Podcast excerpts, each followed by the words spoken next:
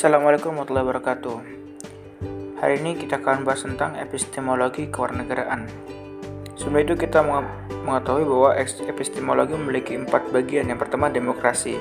Yang dimaksud dalam demokrasi ialah pemerintahan demokrasi merupakan pemerintahan yang dilakukan oleh rakyat dan untuk rakyat. Maka persoalan tentang sistem pemerintahan demokrasi itu langsung mengenai soal-soal rakyat sebagai penduduk dan warga dalam hak dan kewajiban.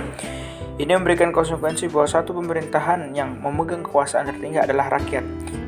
Selain itu juga merubah pandangan bahwa demokrasi yang ada pada masa lalu hanya dipahami sebagai bentuk pemerintahan. Maka pada masa sekarang demokrasi harus dipahami lebih luas lagi yaitu sebagai sistem pemerintahan dan sekaligus sistem politik. Kemudian rule of law.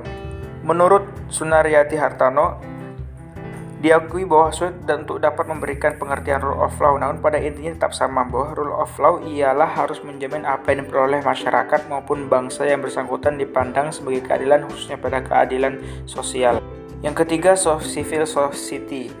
Menurut Adam Smith, civil society memiliki memiliki kegiatan ekonomi yang melibatkan persaingan dan perubahan pasar. Dengan pangan ini, Smith menyebutkan konsep civil society dengan kebebasan kepentingan masyarakat yang terbatas pada aspek ekonomi, sehingga konsep civil society tidak akan mungkin terjadi dalam masyarakat yang non-kapitalis. Terakhir dari pasar bebas. Di sisi lain, David Ricardo menjelaskan bahwa pasar bebas adalah suatu kegiatan perdagangan luar negeri yang melibatkan lebih dari dua negara yang masing-masing di antaranya akan melakukan perdagangan tanpa ada masalah dari pihak pemerintah.